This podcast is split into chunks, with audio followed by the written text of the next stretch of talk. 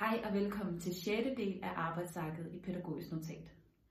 Den 6. rubrik, der udfyldes, er ressourceinddragelse. Vi arbejder videre for 5. rubrik, som var mål for elevens deltagelse. Vi befinder os nu i den del af arbejdsarket, som er handleplanen. Denne del handler nu om, hvad man skal til at gøre. Hvilke aktioner og handlinger skal igangsættes?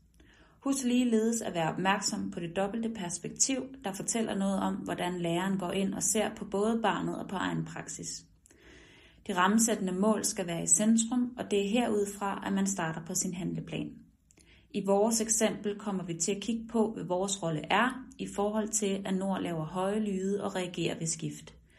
Vi har, behov, vi har på forhånd set på, hvilke udfordringer han har i frikvartererne ved at observere ham og resten af klassen.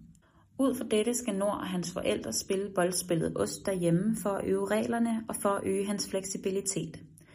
Reglerne omkring, hvornår en bold er ude eller inde af banen, kan være svære for Nord at forstå.